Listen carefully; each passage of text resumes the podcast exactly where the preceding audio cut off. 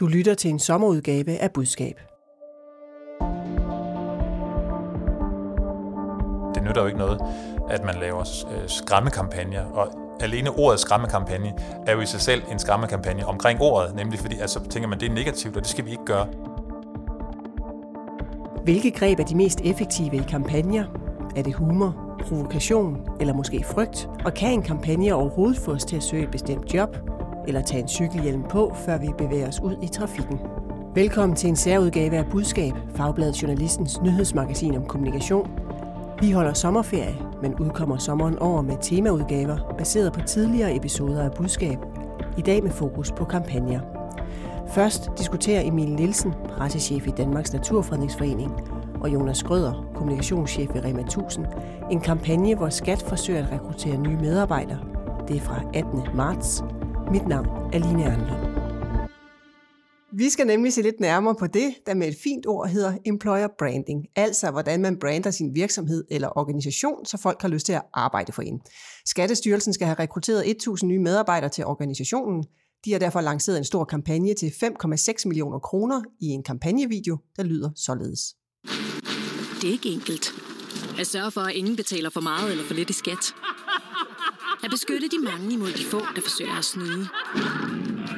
At hjælpe lovgivningen ud i virkeligheden. At behandle mere end 2,8 millioner henvendelser om året. Ja, så. Jeg har også kollegaer, der hjælper. Og være nede i de små decimaler hver gang. Det er ikke enkelt at tage ansvar for den skat, som binder os sammen. Derfor får vi brug for 1000 nye kollegaer i år. Skat er ikke enkelt, men det er vigtigt. Find et job med mening i Skattestyrelsen. Ja, til dem, der ikke har set videoen, kan jeg give et kort referat. Det er en action-packed video, mange klip, der er musik, vi er mange steder, man ser mange mennesker her fra Danmark, forbrydere, vi ser skattemedarbejdere med blæksprutterarme, og vi ser også til sidst 10 ægte skattemedarbejdere, der hurtigt er klippet ind. Jonas Skrøder, får du lyst til at søge job i Skattestyrelsen, når du ser filmen? Ja, det gør jeg da. Det er en fantastisk fed øh, arbejdsplads. Øh, ser det ud som om øh, disco-musik og smukke mennesker. Hvad, what's not to like, er det ikke det, man siger nu om dagen? Øh, problemet er bare, at sådan er virkeligheden jo ikke. Øh, så Hvordan ved du det? Hvordan ved du det, at virkeligheden ikke er sådan? Det har jeg læst i avisen de sidste fem år, hver dag. Og så jeg kender også øh, et par stykker, der arbejder der, som øh, faktisk som er blevet dybt, dybt uh, provokeret af det her. Uh, Hvorfor? Det er folk, fordi de står op øh, nogle gange møder klokken 5 og går hjem klokken 8 og er fuldstændig kørt i seng og ikke engang når at svare på deres mails i løbet af dagen, fordi der er så meget pres på. Og øh, det er jo det, som sådan en, øh, en employer branding video, hvis vi skal bruge det udtryk, gør.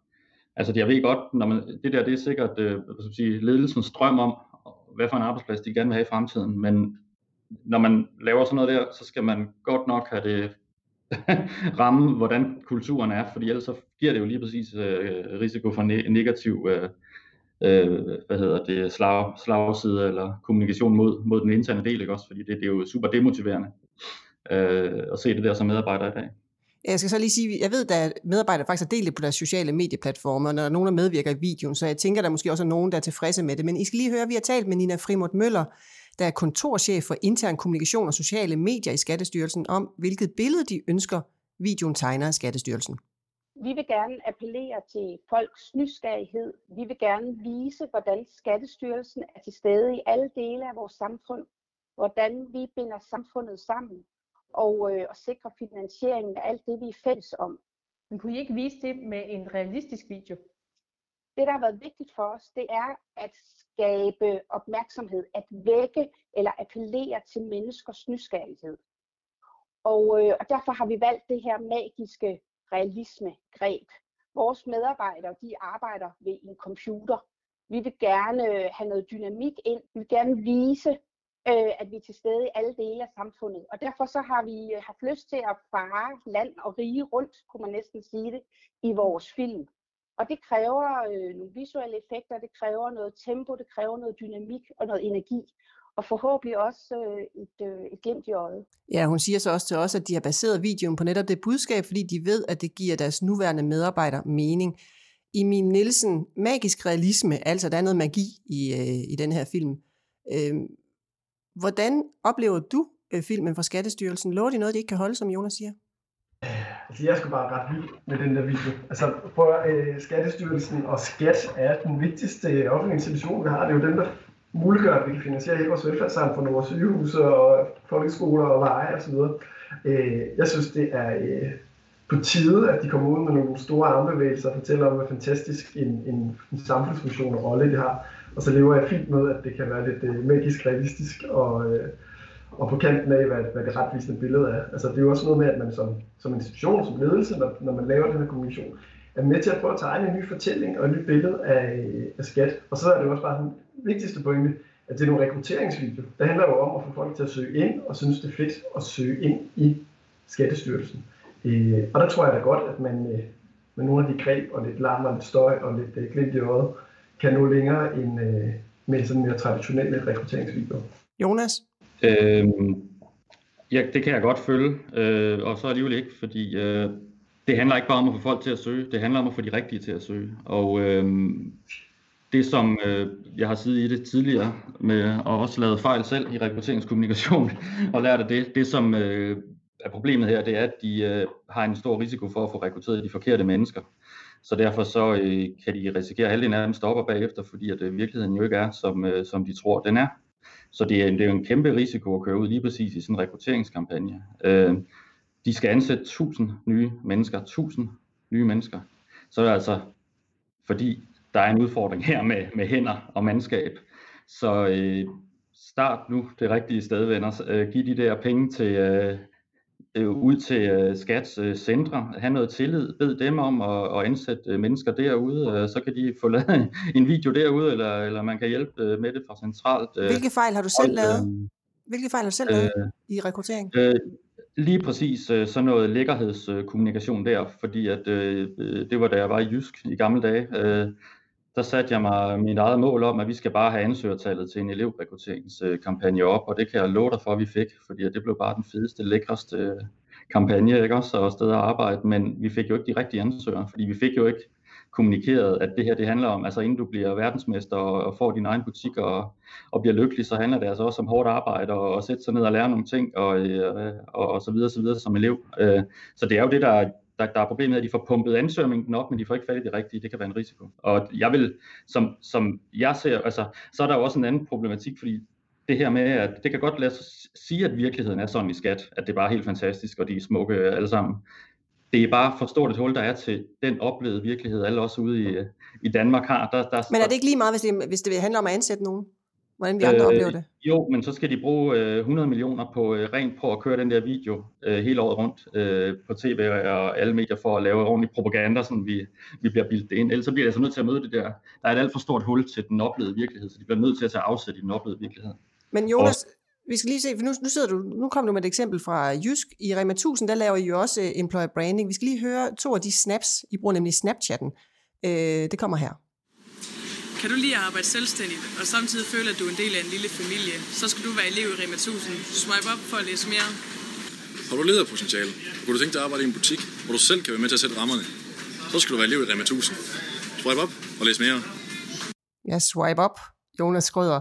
Øhm, jeg vil ikke kalde det her magisk realisme, jeg vil måske mere kalde det hverdagsrealisme. Hvad er pointen?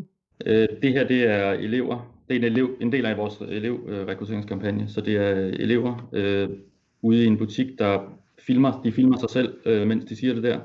Og øh, de har bare øh, fået at vide, at de skal sige det der til sidst, altså fordi man skal swipe op for at komme ind på vores øh, rekrutteringssite, men ellers så er rammen bare, at de skal fortælle om, hvordan det er at være, være derude, og det, der bruger vi så de, de, de, de, vi bruger dem, som man vil få som kollega bagefter helt konkret. Øh.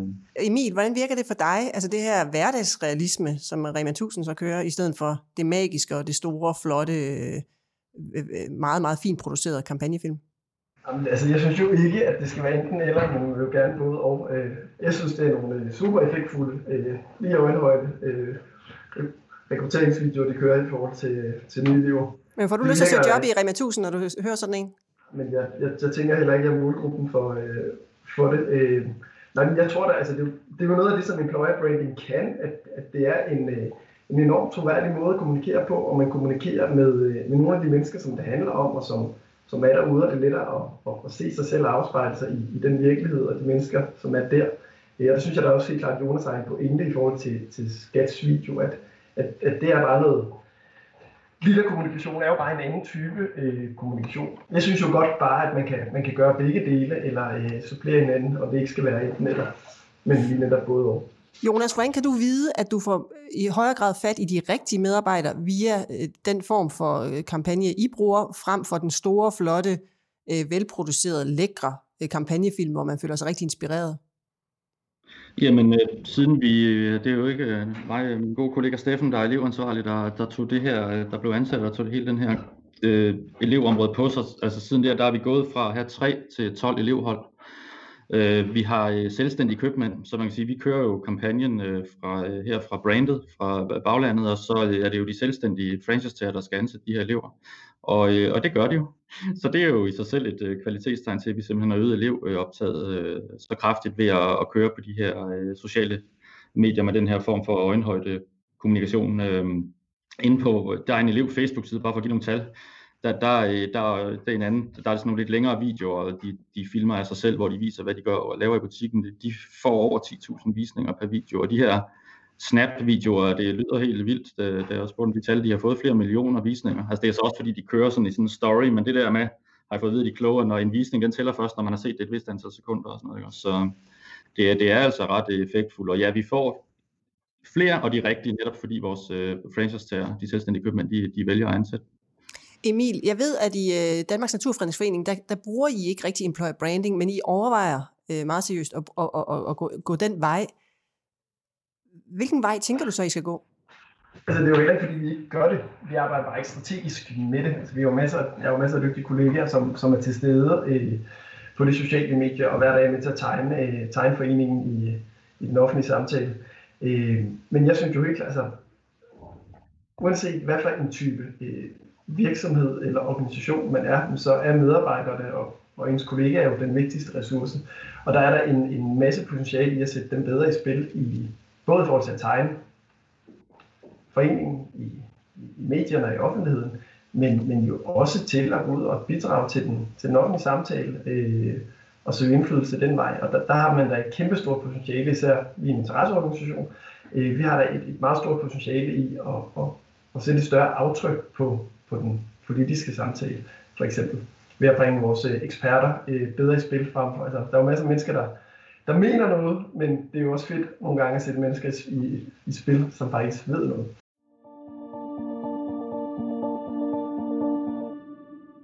Og nu kan du høre Søren Søndergaard, presse- og kommunikationschef ved Danske Havne, og Kim Larsen, kommunikationsdirektør i Danske Bank. De taler om en kampagne fra Nordjyllands Trafikselskab, der gerne ville provokere – det er fra 6. maj. Søren Søndergaard, kan du lige at provokere? Det kan jeg godt, ja. Ja, velkommen. Du er presse- og kommunikationschef i Danske Havne. Kim Larsen, kan du lige at provokere? Øh, ja, det kan jeg faktisk ret godt. Jeg også, tror, også arbejdsmæssigt? ja, men der tror jeg, man skal være mere forsigtig. Ja, velkommen. Du er kommunikations- og marketingdirektør i Danske Bank. I kan begge to godt lide at provokere. Hvorfor egentlig, Søren? Jeg har i øh, rigtig mange år arbejdet på Christiansborg, og øh, der øh, kunne vi godt lide at give et, et budskab, et ekstra twist for at få en reaktion. Fordi gennem reaktionen, så får du diskussionen. Bare et enkelt eksempel. Øh, der var en... Øh, dommerforeningen øh, kom ud af det blå med et notat om, at man kunne godt forestille sig en dommer iklædt, øh, iklædt et islamisk øh, hovedtørklæde. Det var jo ikke lige det, man synes i Dansk Folkeparti's ledelse. Så vi lavede så nærmest overnight en lynkampagne, hvor vi lavede nogle billeder af dommer med tørklæder og justitia i burka og sådan noget.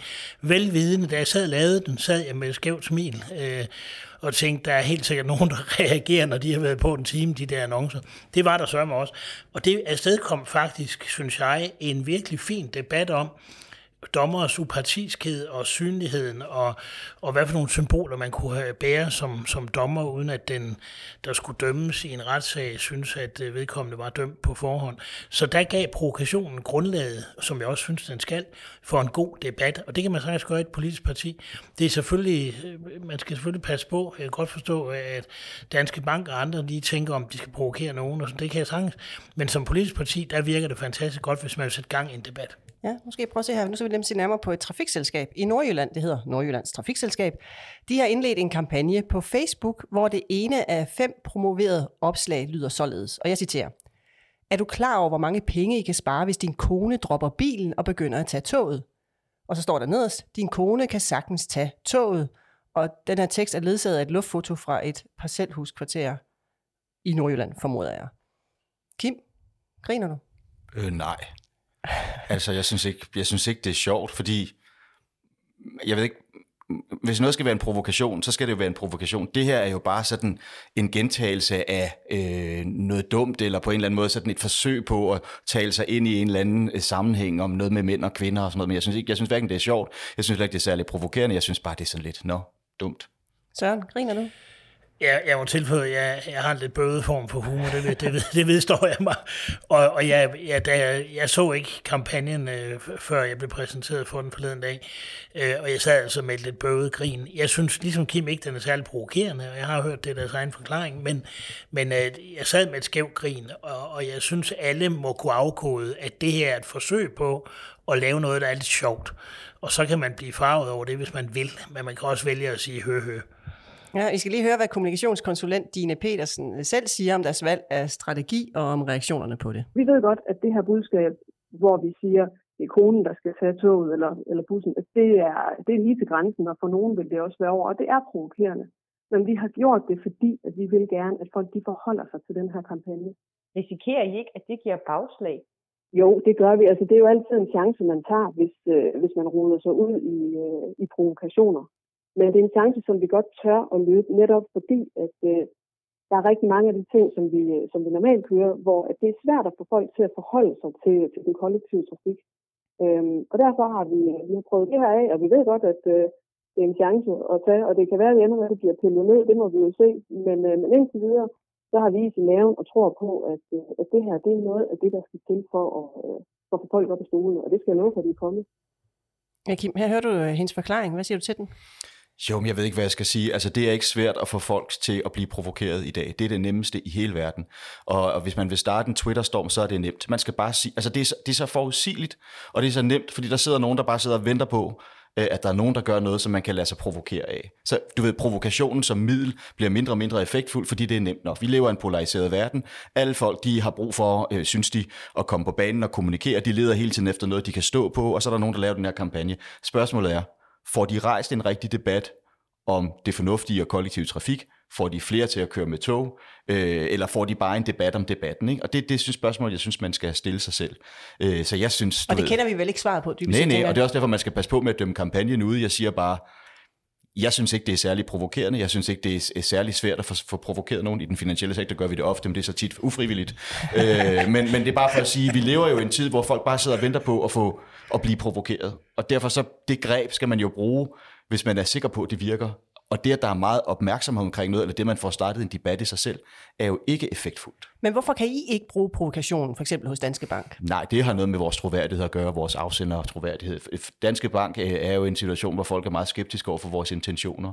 Og hvis man skal have lov til at bruge humor eller provokationer, så skal man have en helt anden øh, folkelig opbakning, end, end vi har på nuværende tidspunkt. Så det vil være helt forkert. Altså, der er jo folk, der vil mene, at vi provokerer hver eneste dag. Øh, men det er, jo, det er jo ikke, fordi vi bruger det som greb. Det er jo, fordi der er en, en stor for, øh, afgrundsdyb for, forståelse eller forskel på den måde, vi ser os selv, og den måde, folk ser os på. Ikke? Og det gab, det gør, at vi kan ikke provokere. Øh, Dansk Folkeparti øh, kan og kunne provokere, fordi det var deres rolle også at provokere politisk. Øh, så det handler meget om, hvem man er og i hvilken kontekst. Men jeg synes også, man har igen, og jeg ved godt, det lyder som du kaldte det filosofisk før, vi har jo et ansvar for, hvad man putter ud i den offentlige debat. Og hvis, man, hvis vi er enige om, at vi lever et sted, hvor polariseringen og det der med at sidde og, og drive folk fra hinanden, i stedet for at samle folk, hvis, vi, hvis man er enig med mig i, at det er et problem, så har man også et ansvar for at bruge provokationer fornuftigt. For hver eneste gang, man har sådan en provokation, det eneste, der sker, det er, at folk de deler sig i to lejre. Og så glemmer vi, at der i virkeligheden er nogle fælles opgaver, vi skal løse. Og derfor synes jeg, man har et ansvar, når man bruger provokationen som, som greb, øh, som er større end bare, om det virker for ens egen virksomhed. Ja, vil du bruge det hos Danske Havne, Søren? For nu har du været en mester i at provokere i 15 år hos Dansk Folkeparti. Men vil du bruge det i, i en virksomhed? Eller en organisation er det jo så, Danske Havne? Det, det, øh, det, det er jeg ikke sikker på. Jeg, jeg ved ikke rigtig, hvad havnene skulle, skulle provokere med. Jeg, jeg arbejder mere på at prøve at skabe den der sammenhængende fortælling om, hvad havnene gør. Det, som jeg egentlig lige sagde før, hvis sådan en kranfører ligger så syg på Aarhus Havn, og vi mangler varer i en, i en, uge, i en uges tid, så har vi et problem i Danmark. Den fortælling vil jeg gerne have frem. Men ja, det er en fornøjelse at sidde her med, med dig, Kim, fordi jeg er enig i alt, hvad du siger. Der er nemlig en krænkelsesparathed derude, som gør, at provokationen som virkemiddel, den kommer til at fortage sig, fordi alle bliver provokeret af alt muligt. Også noget, der ikke er provokerende. Jeg er nemlig, som jeg sagde før, fuldstændig enig i, at den der trafikreklame, den er ikke særlig provokerende.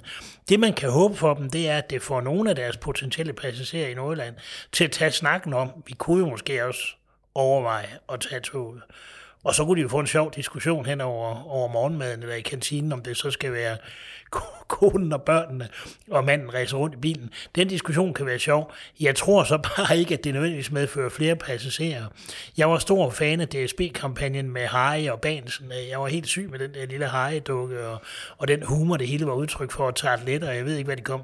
Jeg har da ikke øh, sat mit ben i en tog af den grund.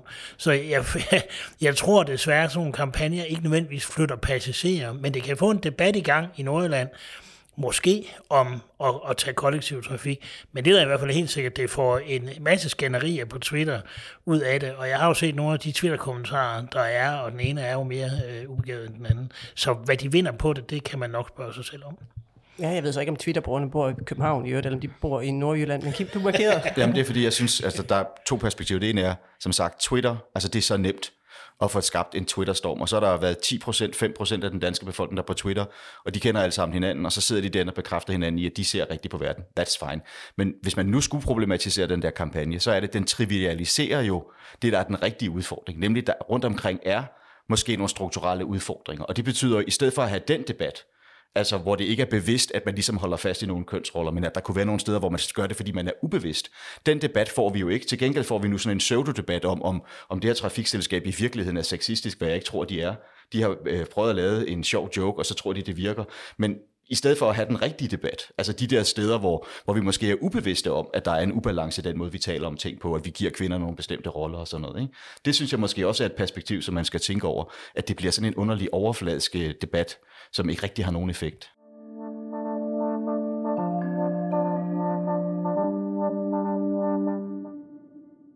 Som sidste emne kan du nu høre Michael Baden, direktør hos Friday, og Martin Witt Ankerstjerne, direktør og partner hos Advice. De diskuterer en ny vikingekampagne om cykelhjelme fra Rådet for Sikker Trafik. Den del er fra 10. juni. Øh, jeg har et ja-nej spørgsmål igen. Jeg elsker dem. Det indrømmer jeg gerne. Jeg ja. Michael Baden, ja eller nej? Det her, det kan du svare på. Cykler du med cykelhjelm? Nej. Martin Witt Ankerstjerne, cykler du med cykelhjelm? Oh, nu vil jeg næsten gøre som Michael før og sige, mm, ja, nej, det gør jeg ikke. Okay, jeg gør. Nå, men Rådet for Sikker Trafik har lavet en ny kampagne for at få sådan nogen som jer til at bruge cykelhjelm. Scenen er en dansk landsby i vikingetiden. Årstallet lyder 893, og vikingerne, vikingerne er på vej på togt med deres leder Svend, der er høvding. I skal lige høre et sammenklip. Mod skiberne! Svend, skal du ikke have hjelm på? Jeg synes, den er ret irriterende, den. Den giver sådan en uh, kløe i hårbunden. Nå, men... Uh... Hjalmar, jeg rider forsigtigt. Der er ingen, der siger, at du ikke rider forsigtigt, Svend. Men, Og hvad skal jeg gøre ved den, når jeg kommer frem, Hjalmar? Skal jeg rende rundt med sådan en hjelm i England? Ja, det tænker jeg. Ja! Jeg er ikke typen, der bruger hjelm! Men det er en god idé. Den smadrer mine flætninger! ja. Øhm, Michael, hvordan reagerede du første gang, du så den her? Jamen, som jeg gør nu. Jeg sidder og smiler, og, og sad og smilte, da jeg så den. Jeg synes, den er rigtig, rigtig øh, god, og den er sjov. Og øh, nu har jeg set en del Game of Thrones og, og Vikings og sådan noget, så det der univers der. Og så den her øh, sådan øh, insisterende, nagende, sådan, øh, du skal lige huske den der hjelm. Jeg synes, den er, den er rigtig, rigtig fin. Og så er den jo også sindssygt flot produceret også. Jeg skal lige sige, at øh, vi har lavet et lille sammenklip her, så det er ikke det fulde billede, man ser af den. Men Martin, hvad tænkte du, da du øh, så øh, videoen? Jamen, jeg er helt enig. Øh, Jeg synes, at den er, den er sjov, og den øh, bruger humor på en øh, intelligent måde. Øh, Så jeg, jeg kunne godt lide den. Men øh, Høvdingsvind, han ender jo med at tage hjelmen på. Får det dig til at ændre adfærd? Den er i hvert fald øh, har, har nemmere ved det øh, på grund af den måde, den er designet på, end øh, hvis det var, at øh, der kom sådan en myndighedsperson og, og hævede pegefingeren. Michael, tager du hjelmen på næste gang, når du har set den her, og synes, den er sjov? Øh, nej, det er jeg ikke sikker på. Altså, øh, det er klart, at hvis jeg cykler en lang tur på min racer, så er jeg selvfølgelig hjelm på, men, men den der, de der dagligdags ture, som nu her, når jeg skal væk fra studiet her, der, der, det tror jeg ikke, at den her kampagne får mig til. Nej. Øh, Rådet for Sikker Trafik, der står bag kampagnen, har jo stor erfaring med kampagner, øh, og de handler jo om at ændre folks adfærd og få os til at opføre os øh, bedre i, i, i trafikken. De bruger op imod en femtedel af deres kampagnebudget på dataindsamling, øh, prætest før kampagnerne og evaluering efter kampagnerne. Det fortæller vicedirektør i rådet, Karina Petersen. Det kampagnerne kan, hvis de vel og mærke er gode og er lavet med, med indsigter, så kan de være med til at skabe en identifikation og derved en påvirkning. Og nogle gange er det humor, det at vi kan grine lidt af os selv, som for eksempel i den her cykelhjelmskampagne, hvor vi måske kan grine lidt af de barriere og undskyldninger, vi selv har for ikke at køre med hjem. Og andre gange har vi brug for at se konsekvenserne ved den hvad skal man sige, forkerte adfærd. Der har vi brug for at se, hvor galt det kan gå. Det kan vi se på uopmærksomhed, og for eksempel det, at man sidder og bruger sin mobiltelefon. Der siger målgruppen tit til os, I er simpelthen nødt til at lave nogle lidt hårdere kampagner her. Ja, Vikingekampagnen, den har voksne øh, mellem 25 og 65 som målgruppe. Og et af målene for Rådet for Sikker Trafik er at løfte brugen af cykelhjelme i bytrafik fra de nuværende 47 procent til 52 procent i 2023. Det er jo mange tal, men altså, de skal se en stigning på 5 procentpoint. De laver en trafikmåling hvert år, hvor de blandt andet tæller op, hvor mange der kører med cykelhjelm, og det vil de også gøre, når vikingekampagnen skal evalueres, fortæller hun. På den korte bane laver vi en evaluering umiddelbart efter, at kampagnen er slut. Og her følger vi op på de mål, som vi har sat os forud for kampagnen, som jo handler om, øh, at den blevet set, at den blevet forstået, har folk kunne lide den, er den relevant, alt det her, men i høj grad også incideret adfærd. Har den motiveret folk til at begynde at køre med hjelm, eller har den motiveret folk til at gå ned og købe en hjelm, hvis ikke de havde i forvejen? På den lidt længere bane, jamen der kan vi jo øh, i virkeligheden gå ud i trafikken og, og bruge vores årlige cykelhjelmstællinger til at se, om der er flere, der begynder at køre med cykelhjelm. Vi har et baseline, der hedder 47 procent af befolkningen, der kører med hjelm, og det er jo det tal, vi gerne skulle se i løbet af de næste par år, og det flytter sig opad. Ja, og det er jo det, det hele handler om med kampagner. Udover at give folk en oplevelse, det er jo selvfølgelig at ændre adfærd. Martin Witt Ankerstjerne, I arbejder jo også med kampagner hos Advice. I har blandt andet stået for Sundhedsstyrelsens øh, coronakampagne, den der hedder Vi kan godt, og I har også vundet en pris for det ved COM21. Hvordan arbejder I med ikke bare at lave noget, der er sjovt og som folk gider se, men som også ændrer adfærd? Jamen, altså, vi arbejder med det begreb, der hedder positiv forstærkning, øh, hvor det handler om at, tage, øh, at, at prøve at lokke folk hen mod det, som de gerne vil. Øh, øh, hvor det handler om at have en positiv tilgang frem for at have den her øh, pegefinger hævet i luften. Hvad betyder det helt konkret? Som mennesker er vi grundlæggende indrettet sådan, at øh, helt fra naturens side af, at vi går hen mod noget, der er positivt, og væk fra noget, der er negativt. Og derfor så gælder det om at bruge det positive, og når det så er, at vi bruger humoren også, så kan man godt få folk til ligesom at se, at det, det, det, det er rigtigt at gøre det her, øh, som, som den her video øh, lægger op til. Hvordan måler I så på, om ja, Sundhedsstyrelsens kampagne, det er jo mere, meget det her med, at man skulle blive ved med at bruge mundbind, altså du kan godt holde lidt ud lidt endnu, ikke? Altså hvordan arbejder I så med, at, eller hvordan måler I så, om det rent faktisk har haft en effekt? Jamen, vi har kigget på, øh, altså det, vi har jo været meget privilegeret, fordi øh, Aarhus Universitet har lavet de her håbundersøgelser øh, under hele coronakrisen, og øh, derfor har vi kunnet kigge på, øh, hvordan motivationen har været til at overholde retningslinjerne i befolkningen. Øh, og det kan vi se, at der er en, en reaktion hver gang øh, vi har kørt en kampagne, så har det enten fået øh, folk til at bakke mere op, eller øh, at vi har kunne holde niveauet i hvert fald. Michael, jeg ved godt, at det, kampagne det er ikke lige sådan det, du sidder specifikt med, men du, du, du er alligevel administrerende direktør i et bureau. Kan du blive inspireret af Rådet for Sikker Trafik, deres måde at arbejde med kampagner på? Ja, det kan jeg bestemt. Altså, øh, jeg synes, de har igennem rigtig, rigtig mange år øh, vist, at de... Øh, øh, er gode til det. Øh, de har selvfølgelig også øh, forskellige øh, eksterne knyttet til, øh, bureauer og andet, men at de også skaber et rum til at lave det her univers, som de har været super, super gode til. Øh, der er også den her med nederen forældre og så videre, som øh, nogen måske kender. Øh, Hvad den præcis lige handler om? Jamen, sådan frit for så handler det om, at man laver sådan en, øh, at der, der er nogle forældre, som gør alt det rigtige at tage cykelhjelm på, og, og, og øh, også er meget ops på, hvad børnene må i skolen og ikke må. Og så er der en, øh, øh Frederiks far, tror jeg han hedder, eller sådan noget, øh, Philips far, tror jeg, hvis det er, øh, som må alt det, de godt kunne tænke sig, altså spi, øh, få chokolade med i, i madkassen, og, og, så, og, øh, og spille Playstation hele tiden, og så videre. Og så er det simpelthen lavet et musikunivers omkring det, og, og mine egne børn der er da ret vilde med, med den der sang, kan man sige. Så jeg synes, de er gode til det, jeg kan blive inspireret af det, men jeg kan også godt øh, måske være, jeg vil ikke sige bekymret, det ligger ikke til mig at være bekymret, men altså, jeg synes måske, der er en, der er jo en dansk tradition omkring, at man bruger humor meget, som vi lige har været inde på her, men jeg synes måske også godt, at vi kunne se lidt mere af den der rå side, som også bliver sagt i indslaget her, og det er man for eksempel i andre lande noget mere øh, frem, øh, frem i skoen med, øh, i forhold til at udstille meget tydeligt for os, for eksempel på autobahnen, jeg har set det også i Australien og New Zealand, at man viser konsekvenserne af, for eksempel videre at, at sidde og øh, sms'e, på noget, der er brutalt og hårdt, og noget vi helst ikke vil se, men som vi bliver tvunget til at se, når vi kører dernede. Og, der, og der har vi nok sådan en lidt for meget om det hele kortenes med humor ja, i Danmark. Det er slet ikke nogen kritik af, af, af det, der bliver, at vi, vi ser her, men, øh, men det kunne være interessant at udforske det også. Ja, for eksempel, hvis man har prøvet at køre på autobahn, når man skal på ferie, så, så nogle gange kan man forbi, så står simpelthen her, blev hun dræbt, og så står der et navn på en person, der simpelthen er blevet dræbt lige der i trafikken. Martin, øh, hvad siger du til det? Altså Michaels pointe om, at måske det skal være lidt mere skræmmekampagner, i stedet for det sjove og det lune og det hyggelige? Altså, der er ikke nogen tvivl om, at følelser, det virker. Øh, men er det sådan, at vi ved, nu kommer der en video, som handler om øh, mobiltelefon, og man må ikke øh, bruge den i trafikken, og hvad hedder det, den, den her pegefinger, den er meget hævet, men så er der rigtig mange, der ikke ser de her videoer. De hopper simpelthen ind over det, de går væk fra det, der er negativt. Og derfor er det meget svært at bruge negativ øh, budskaber i de her adfærdsændrende kampagner. Øh, og, og det kan godt være, at, øh, at der er noget i vores kultur, der gør, at det måske er endnu sværere i Danmark.